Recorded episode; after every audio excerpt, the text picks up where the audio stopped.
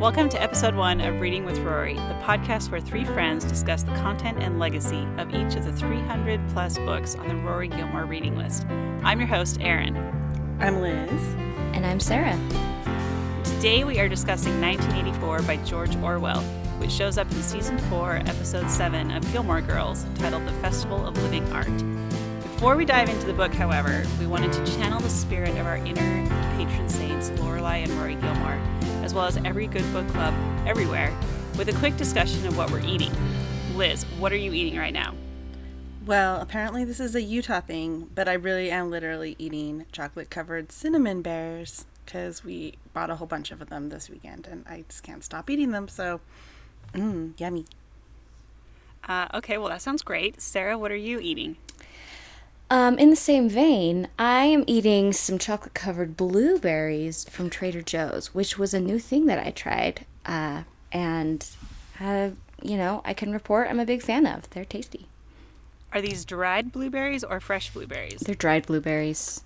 Would I prefer that they be fresh blueberries? Sure. But this is a decent substitute. Sounds pretty good. If you ever get a chance, try chocolate covered grapes. They're delicious. Ooh, just like that you make, or that can you buy these somewhere? I had them purchased, so but I did not purchase them, so I'm not, and I have not seen them since. But they were really good. Yep, that sounds right up our alley. Does it have chocolate? Yep, it's good. Okay, cool. Uh, okay, well, I just finished eating some scrambled eggs, along with some homemade tart cherry ice cream that I made yesterday to take to a barbecue. Homemade ice cream? Yeah, I know. I guys, I was pulling in my my inner d- domestic spirit, which is You're usually Suki. buried very deep. It's I very, was it's channeling very Suki. Suki St. James. Mm-hmm, I was totally channeling Suki. That's it. That's it all the way. but no, Color me very impressed. I know. I'm like, I have to go buy my fancy treat. Thank you. Um, okay, well, with those snacks in hand, we're now ready to dive into this very relevant book. Uh, so here is a quick synopsis from uh, Cliff Notes. So uh, this is this is for all of you in high school who use Cliff Notes rather than actually reading the book. This will sound very familiar. All right, so it says Winston Smith is a member of the Outer Party. He works in the records department in the Ministry of Truth, rewriting and distorting history. To escape Big Brother's tyranny, at least inside his own mind, Winston begins a diary, an act punishable by death. Winston is determined to remain human under inhuman circumstances. Yet telescreens are placed everywhere in his home, in his cubicle at work, in the cafeteria where he eats, even in the bathroom stalls. His every move is watched. No place is safe. Okay, so we're going to leave it at that. There's more to the book that we will discuss, uh, but that at least gives us a base to start from. So, with that context in mind, let's first discuss what we thought of the book. Just gut reactions, nothing analytical, just gut reaction. Liz, you go first.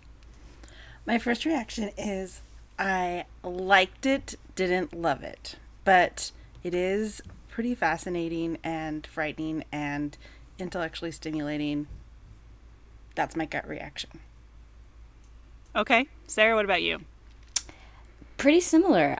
I think your plot synopsis kind of details. There's not a lot actually happening in this book. There's a lot of ideas to kind of churn around in there. Similar to Liz, I liked it, didn't love it. I thought it was really um, interesting and thought provoking. Lots of powerful ideas, but not a lot of action, which uh, I found to be a little hard, dragging a little at times to, to get it finished. So, yeah, my takeaway is like, not love. Okay. I think that's pretty fair. I think my reaction to it was it was kind of hard to get through. I mean, there were parts of it that were more interesting than others. Um, and of course, if you read it in the context of like our modern day and what's happening in the country and in the world, then it can scare you, um, which I'm sure we will be talking about in just a minute. But yeah, I agree, Sarah, with your assessment that it dragged a little bit. Um, I don't know. I mean, it's this is not a book that I would read just for pleasure on the beach. This is not that kind of book. Uh, this is, And I don't think that's what it's meant for, but yeah, I, I hear that.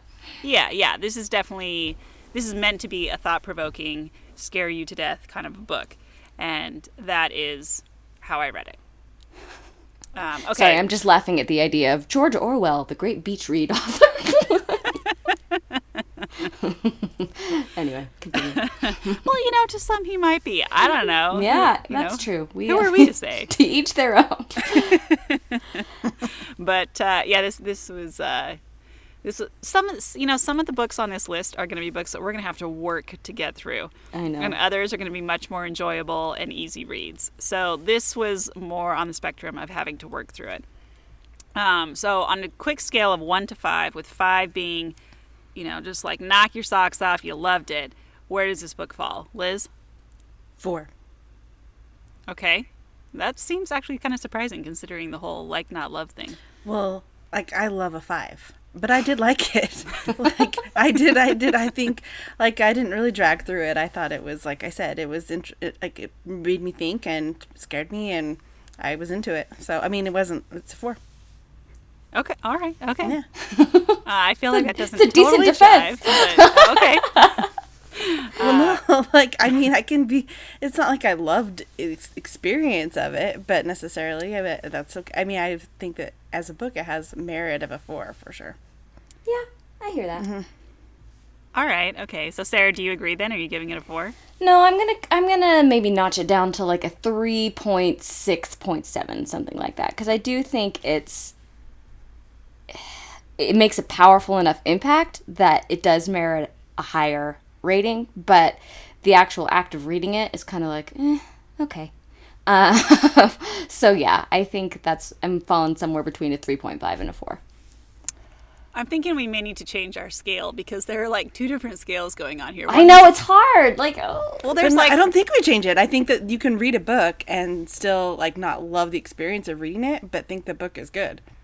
Yeah, that's true. I think that's a good point. well, I mean, that's two scales, but I think you can like that.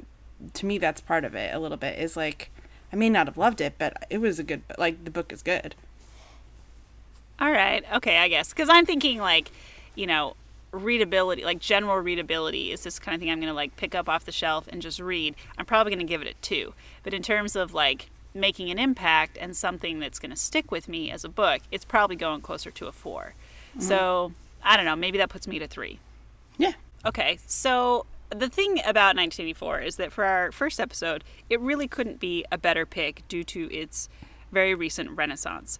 So, as many people probably know, 1984 shot to number one on Amazon's bestseller list back in January of 2017 after White House advisor Kellyanne Conway used the term alternative facts to describe White House Press Secretary Sean Spicer's comments on the size of the crowd at President Trump's inauguration thereby introducing the term into our lexicon and completely freaking us out in the process.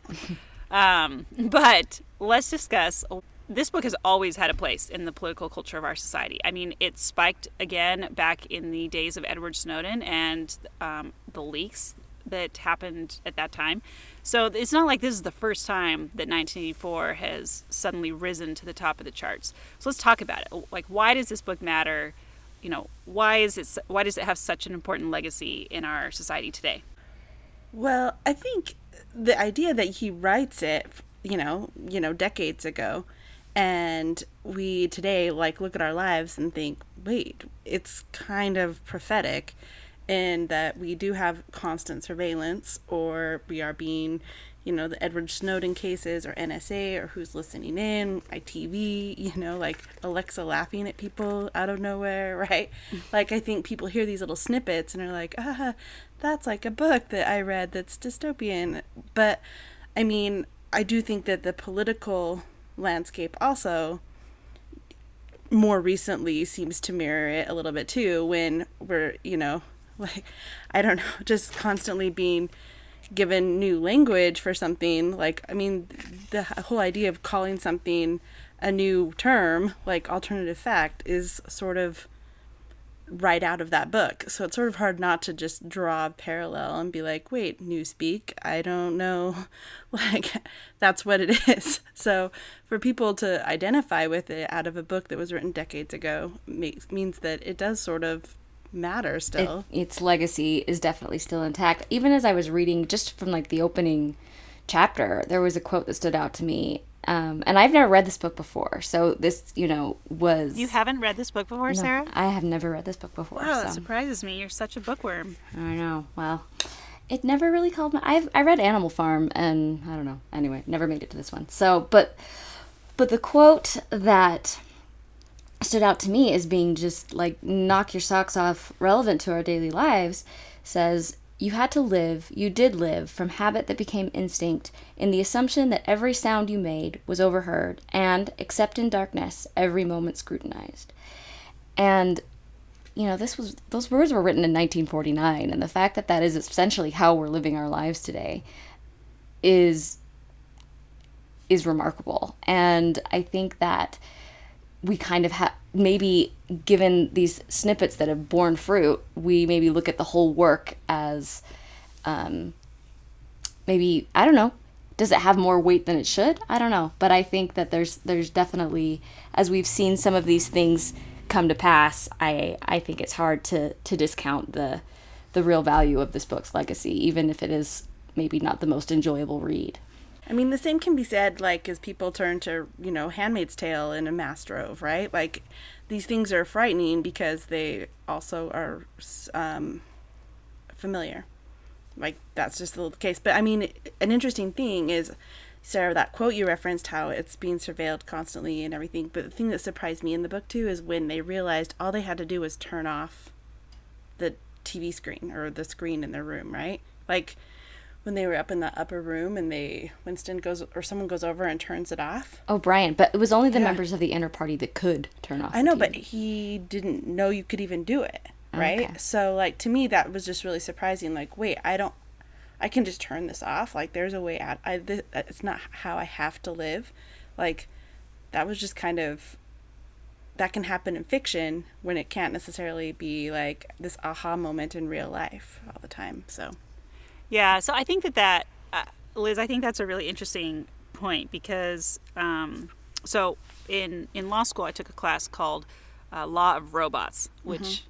sounds pretty cool. Um, I do like was... it. those, those I mean, like I just like robots, had like a hundred jokes just come to my mind at once. But continue. I mean, let's be honest. I took it because of the title. Like, it's a catchy title. Um, anyway, but we in that class we talked about I, the whole class, the whole point of the class was talking about technology and about how as new technology comes comes up, you know, there's always a lag time with the law. It always takes time for new law to be created. Excuse me. And so, how do how do you regulate technology when it's outpacing the rate of change in law? And the big areas we talked about was privacy. What do you do with privacy? So, and with you know smartphones where you have cameras that can come on at any time or you have microphones that can that are probably on all the time for things like Siri or Alexa or whatever it is does that change the right of privacy? And does that change our expectation of a right to privacy in a way that we haven't dealt with before? And how do you then regulate that in terms of like criminal investigations or warrants or surveillance or whatever it is? Yeah those are all tricky questions. Did you solve it in your class? did, uh, the, if, did, did, the book if solve we did, if we did, I would not be here. I would be making a lot of money somewhere else. Um, but it's it's an interesting thing to think about. Yeah. So um, I think another question that is interesting to talk about is uh, how and we've kind of talked about this a little bit, but it's worth going over it specifically. So how how should we read this book now? You know, in the days of George Orwell, it was one thing, but how do we read it today?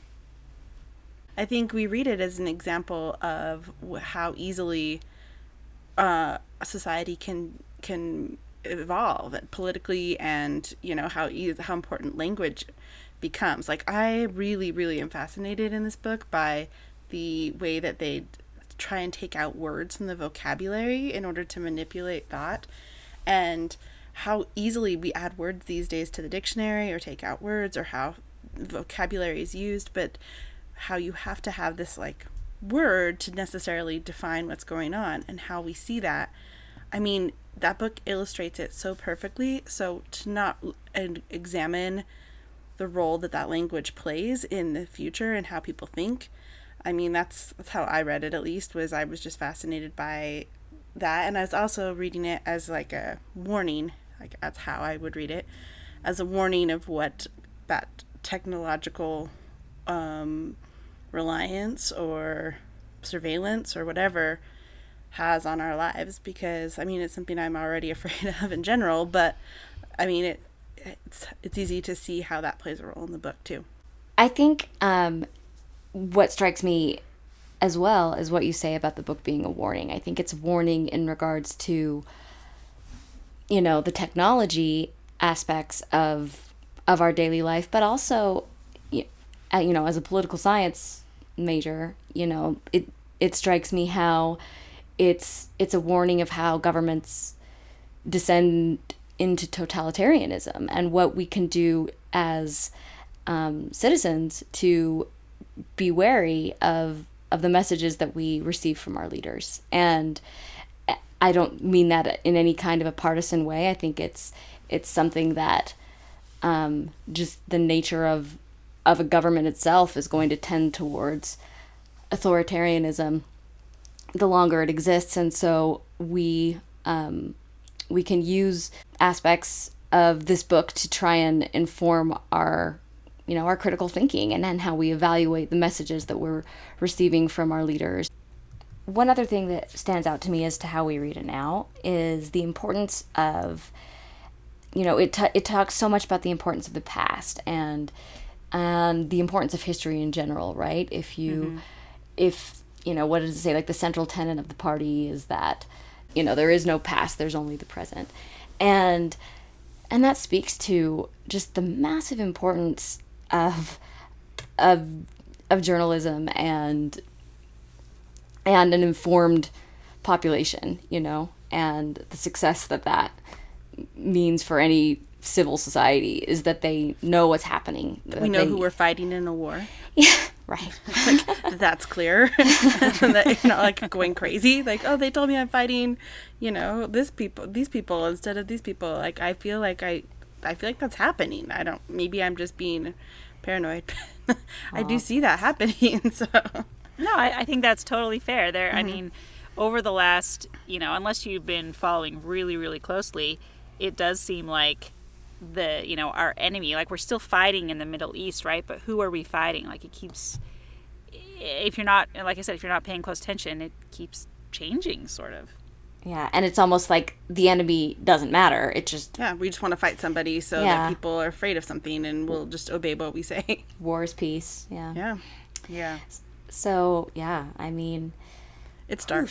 it is. It's scary. The more the more you really dive into it and think about it, it, it it's it uncomfortable. It forces you to critically think too, which sure. I yeah is not always fun to do. It's not good times, party time, fun. That's true. Well, and that was one thing that really stood out to me um, as I was reading it was just the idea of of thinking versus feeling, and um, and how they make every effort the party makes every effort to kind of stamp out feelings whether like any kind of sensory experience right like the whole interlude with his love affair with julia it's all about you know, kind of like this reawakening of his senses. Mm-hmm. And, um, you know, where they're in the room above the antique store and he's listening to, to the woman sing or he's, you know, s- tasting tasting real food, real coffee, or you know the bluebells, and obviously just like the whole sensual nature of a love affair. You know what I mean? Like this was kind of this reawakening moment for him, and the importance of of of real objects. I think I wrote I wrote that down as a, as something that stood out to me as well. That it was like, um, ownlife. The, oh yeah, ownlife. Yeah, ownlife. But but ownlife was a was a dangerous thing, right? And that they were trying to to stamp out. But but what it said was if the past survives anywhere, it is in the is it it is in a few solid objects. And that just stood out to me like the importance of feeling the world around us and how that keeps us um, how that keeps us centered in our own thoughts and our own individualism and free thought. And that was what they wanted to stamp out was individualism and free and free thought. So we needed to have those we needed to find ways to to stimulate our senses. And that was something that really um, I thought as I even just I think about like how our lives are so subsumed with technology and maybe we remove ourselves from these kind of sensory experiences you know everything is processed through a screen yeah. now and like we can turn it off yeah anyway yeah I, I want to talk about that a little bit more though this idea of feeling because that was one thing that i also took away from the book i mean the whole idea of using 1984 as a barometer for government is one thing but this idea of of feeling is something else important. And there were a couple of things from a couple of quotes from the book that I want to just read real, real quick. So um, the first one is uh, when he's with Julia at one point, and he's talking to her about his mother. And he says, and Julia has fallen asleep, so he's just kind of thinking about his mom.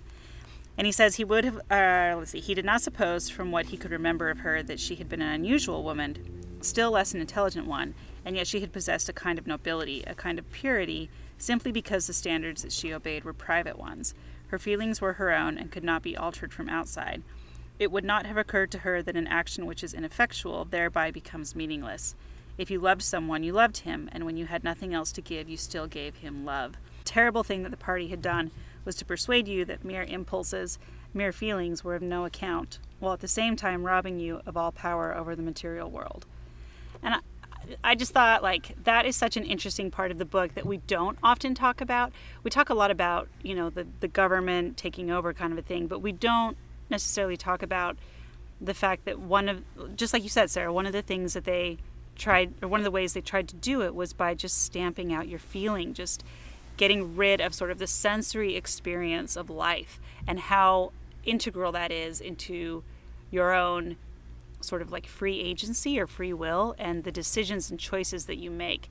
And um, I, I really like the idea that you brought up of how, like, you know, with our phones, do we are we sort of dampening the sensory experience of life by how much we're consuming or by how consumed we are with television or with screens, I guess. I don't I feel like I am. Like I think that was one thing that really stood out to me was like, oh man, like especially with um just describing that whole like that quote I shared before about us being constantly scrutinized, that wasn't about the government. That's just about what we do to ourselves. We're we're exposing ourselves. That's a matter of personal choice, you know? And um and so I think that as yeah, this kind of spoke to me not only as a warning about, you know, engaging in with our government and with our society and and critical thinking there but also is just yeah being not not cutting myself off from um from the, the sensory experience of life for sure. Yeah. In fact uh, for this for my law of robots class uh, we had to write a paper for the end of the semester that, that was what we were graded on was this paper. And i wrote i wrote my paper on um, how human robot marriages could change or affect marriage laws, which is a very random topic. I like it. We can marry robots. Well, what? Not currently. well, not legally. not legally. Liz is aware of this whole subculture we know nothing of. No, I, I want to know more. Just kidding. well, but but what's interesting is as I was reading it, so there are like I think in Japan, um, not long ago they had the. uh, anyway, they had the first like robot marriage, so like two robots marrying each other. Um, but there is this whole subculture of people who want to be allowed to marry robots, and you think of like you know the dolls and the stuff that people can buy as companions and there there are a lot of stories out there about people who have these dolls as as their companions and i small wonder. That's all i can picture right now. Mm-hmm. you go right to small wonder. Small i love wonder. i'm sorry.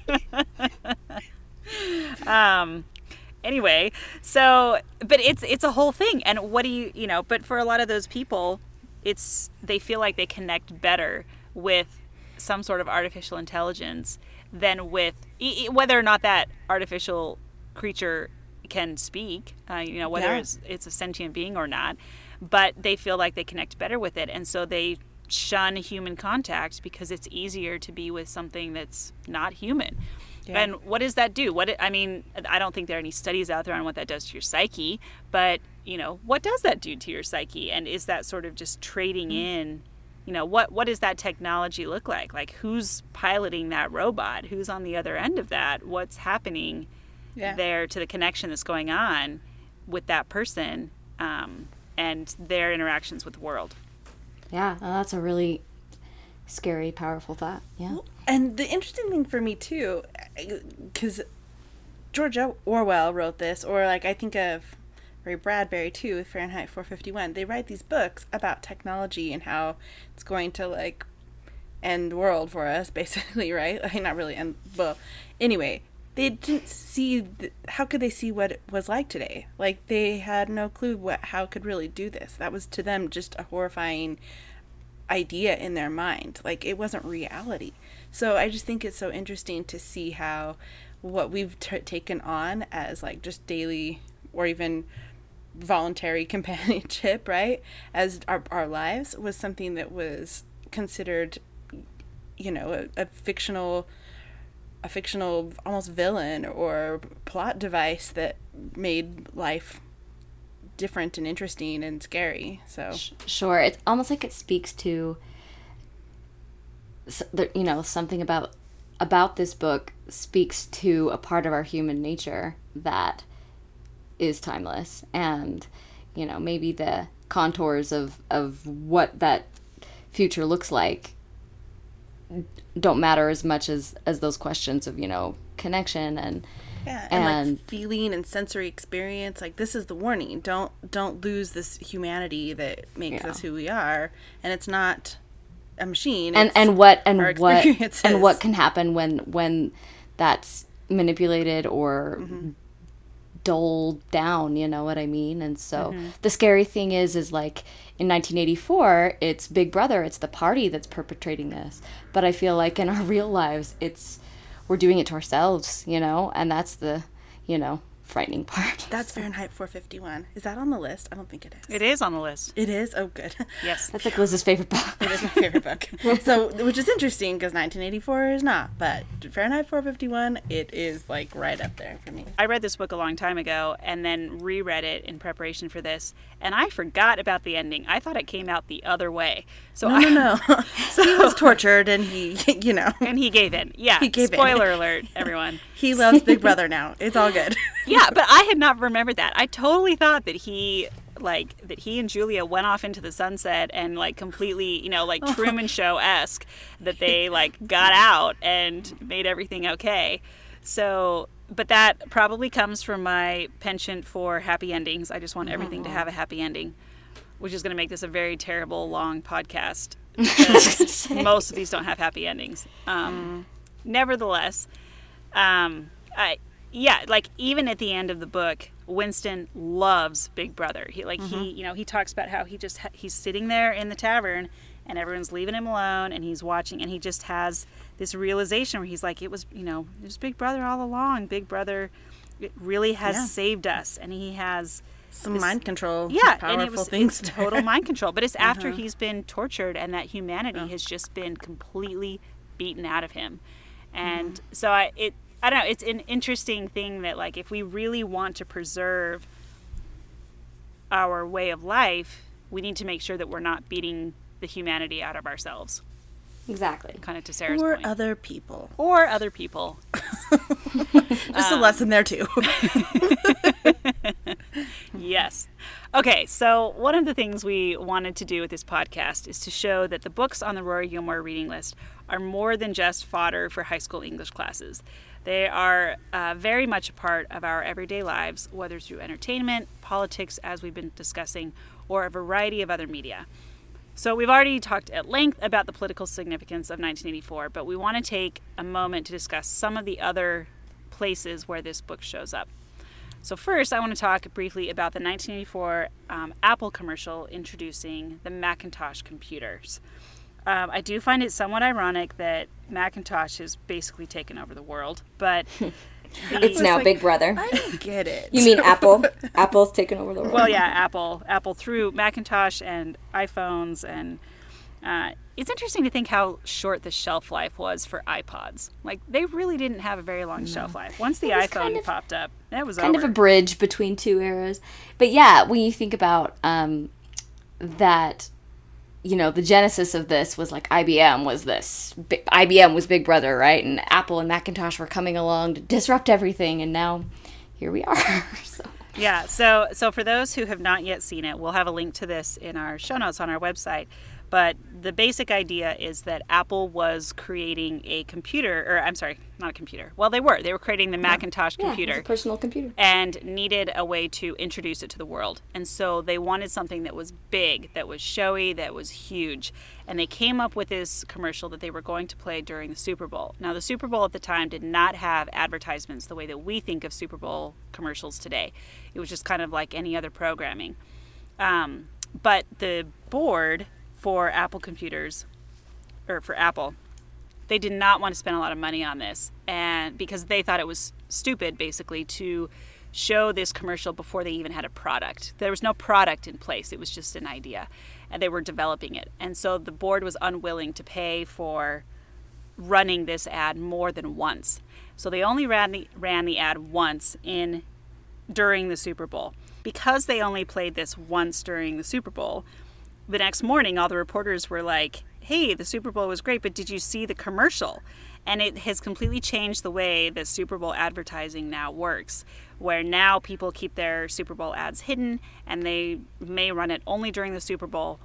Um, so it's Or they complete leak them on YouTube to get viral buzz before yeah too. yeah exactly and we have Mm-hmm. lists of the top 10 super bowl commercials and it's a, like people watch the super bowl just for the commercials they don't Well, even watch think it for the game Yeah, what I think was kind of so um, revolutionary about it, it was it was this piece of art. You know, advertisement advertising wasn't necessarily considered artful. I don't think at the time, at least It not. was. You watched Mad Men. Mad Men. I know. I was like, as I was saying this, I'm like, oh, I mean, Don Draper may disagree, but uh, anyway, it was kind of this, and like the board, Apple, Apple's board really hated it. They were like, you know, it was, it was, it was controversial, and it was kind of not really accessible, and and it it was so, so interesting that it kind of succeeded as this great, um, you know, triumph of commercialism. I mean, it, there, like there's nothing to the ad, right? Like you're you're just so when when you see the video, it's just a bunch of people kind of sitting there mindlessly watching this figure who's probably supposed to represent Big Brother, Yeah. who's Yeah. just telling them 1984, bleak, things. Dark. Yeah, and it's dark, and then this woman's running down the hall with a sledgehammer and like hefts it into the screen, which explodes, and it anyway.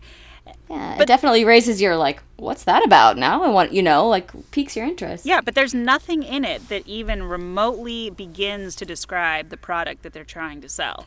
It's Or how it completely will disrupt unrelated. 1984. or right, or how it will disrupt 1984. Right. It's just completely unrelated and it's just big and flashy and there to get your attention. I think it was supposed to represent, you know, this drudgery, this image of 1984. The book was supposed to be kind of like the market for personal computers, right? And IBM was the entire market for personal computers. So here comes, you know, Apple in the figure of this woman with the sledgehammer, and she's gonna come along and, you know, explode the the status quo, and it was gonna be this um, game changer. And I mean, it obviously was, and but it's ironic when you think about the, very real implications of all these Apple products that we carry around, documenting our entire existence, and um, as you know, telescreens and all that. I just find it kind of the irony is a little too sweet in that sense. It's true. Um, okay, so the Apple commercial was only one area in which 1984 has had a big influence. Um, in addition to that commercial, 1984, the book, has also had quite an impact on the world of music.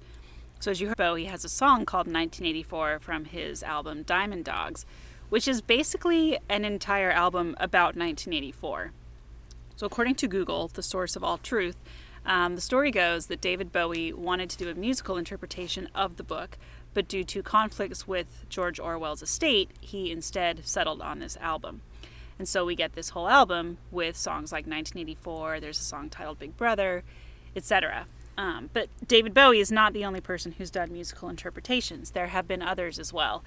So, one, we're going to play a couple of clips for you. One is from a group called the Dead Kennedys.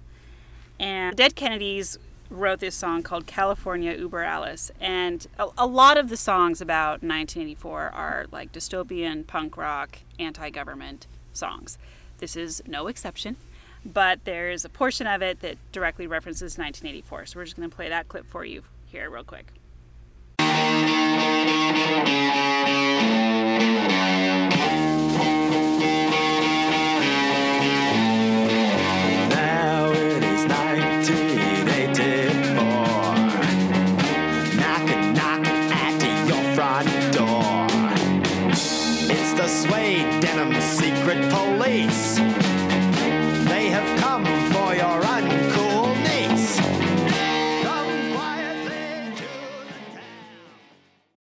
So that is Dead Kennedys.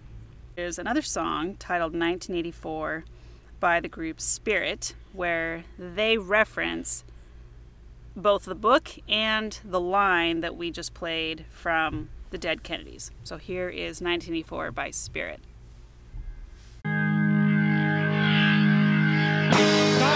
Knocking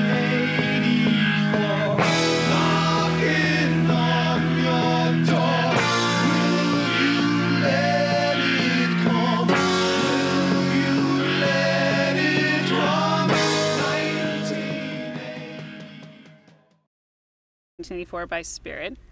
But the fun thing is that it's not just dystopian punk rock groups who were influenced by 1984.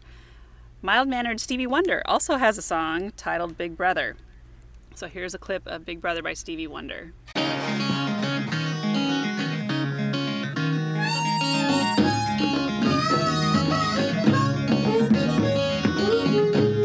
Your name is Big Brother. You're watching me on the telly. See me go nowhere.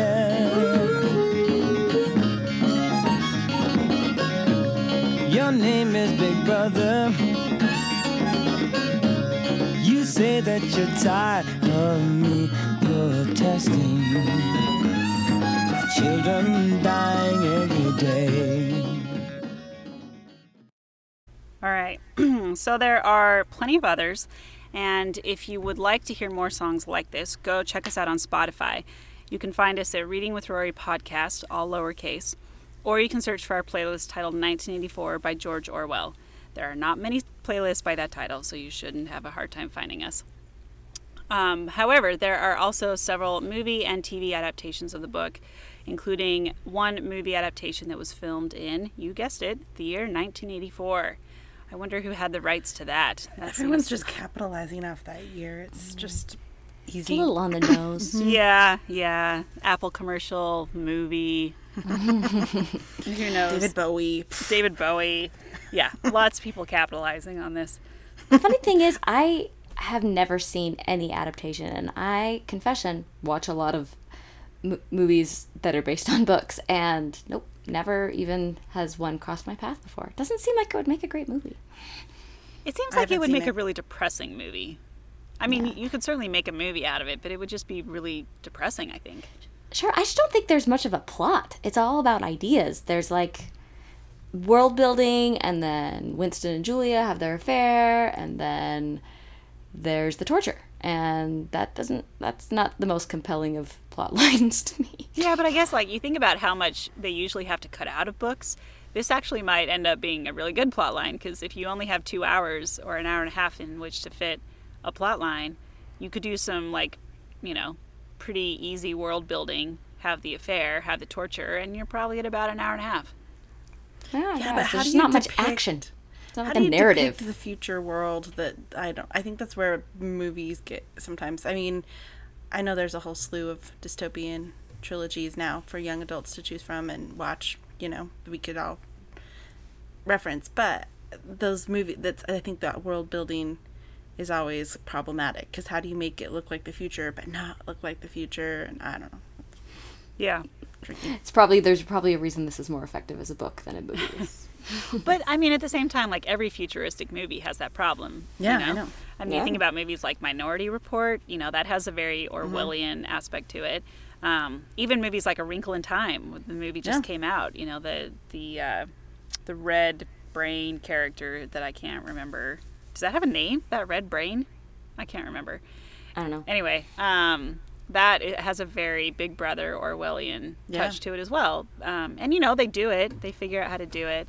Um, I mean, Well, I the think fact that we even call it Orwellian should just Yeah. give you the hint that they're all just copying him. just. Right. Well, I think what kind of maybe as we talk about this kind of stands out like what what's more important in this book is the ideas and not the narrative, right? And you know, I think that they're just it's just there's not like a, a really compelling visual way to explore these ideas. But you It's can do more it with the effective than- songs. I thought the songs, you know, all Yeah. those like themes of, you know, watch out or, you know, it's knocking on your door, right? Like, no offense, Dead my Kennedys. thriller impression That was was better than that. Yeah.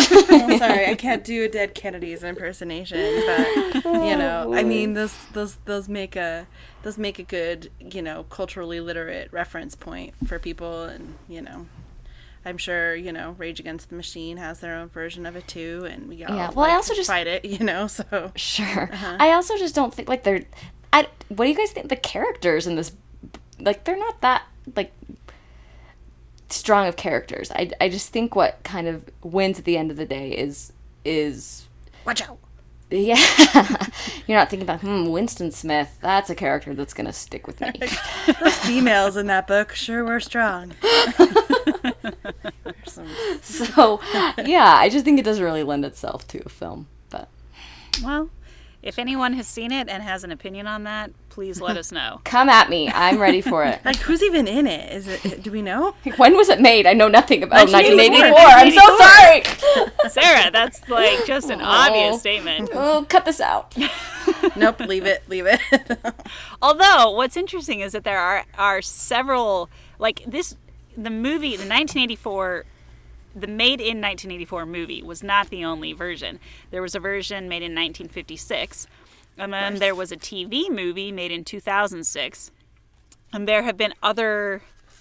I mean, you know, there are other things that there's like a play, or there was a, um, there was like some six series adaptation of a, a play version that was put on TV. So there have been several different renditions of this that have come across the uh, silver screen. well, So why? What's the Some plan? hot There's got to be one in production now because based on the popularity of the novel, how y- y- you know you can't get it on Amazon for a short and the time. lack of original ideas of anyone making they- movies.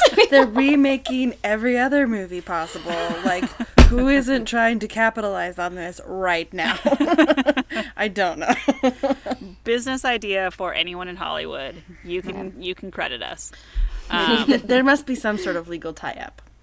Right? Who's like The Orwellians. it's not in the public domain yet, right? So I don't great, know. thanks a lot. I don't know. it's a it's a good question. Yeah, the 1984 cast though, uh, or movie though, it was directed by Michael Radford and starred John Hurt, Richard Burton, and Suzanna Hamilton. Okay. All right, So there you great. go.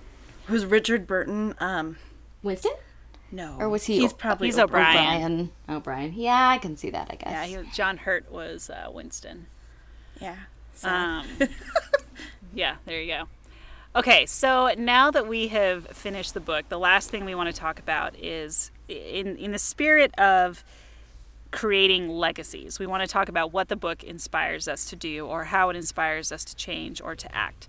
So, along those lines, Liz, what are you now inspired to do after this discussion and after having read 1984? so the point is what I'm inspired not to do is put I you know those like Amazon Echoes. I know everyone loves them, and it seems so easy. But uh, or whatever the home device is, I do not want to want one of those listening in to me. So don't get me one for Christmas, anybody, because I just read 1984, and I'm not going to be telling them to turn off my lights. I'll just turn off my lights by myself. Cool. All right. Okay, Sarah, what about you?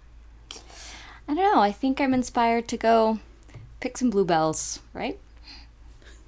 Okay. Sweet. Sweet.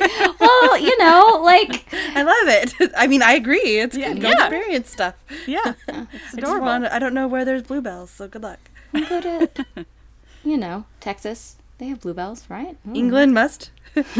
yeah. Oh, fair enough. Yeah, England, England definitely would. Uh, okay. All right, Aaron. Well, I am inspired to put my cell phone down and pay more attention to the world around me on a more regular basis. Yep. Amen to that. Yep, and not not look at Instagram and Facebook so much because it's probably looking back. It is looking back.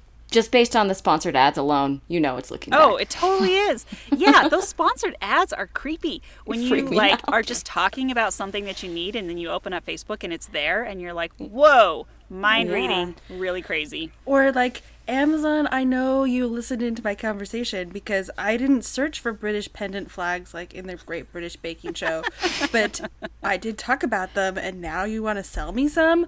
I don't think so. Like, That's not okay. Exactly. Exactly. All right. Well, what did you think of 1984? Tell us. We want to know. Come find us on social media. We're on Twitter, Instagram, and Facebook. Um, on Twitter, you can find us at. Pause because I can't remember and we'll have to edit this out. Hold on. we should Okay, leave this in. It's compelling stuff. Come on, internet, Alexa, play me. Hey Siri, what's my Twitter handle? Uh, okay, so this is the first episode, guys. Like, we will know our social media handles before long, and along this vein of not wanting to be on social media. Uh, okay, so we are on Twitter at Reading with Rory, and we are on Instagram. reading with Rory. I'm pretty sure it's just, reading with Rory. I think just go to At reading, Reading with, with Rory, Rory. all of it. If Yep. you want all of those things. yes, I think that's right. We are at Reading with Rory, no spaces, on Twitter and Instagram. Come follow us. Um, also, if you, like we said, if you want to hear more of the songs you listened to today, we have some by Rage Against the Machine, Radiohead, um, Muse, a whole bunch of different artists on our playlist on Spotify. And do you have a reference, some sort of pop culture mention to 1984 that we missed? If you do, if you've seen it somewhere, send it to us. Send us an email, tag us on social media, and we may feature it or say it on our next show. Uh, next time on Reading with Rory, we're going to be reading The Adventures of Huckleberry Finn by Mark Twain. So join us as we read along, and we'll catch you next time.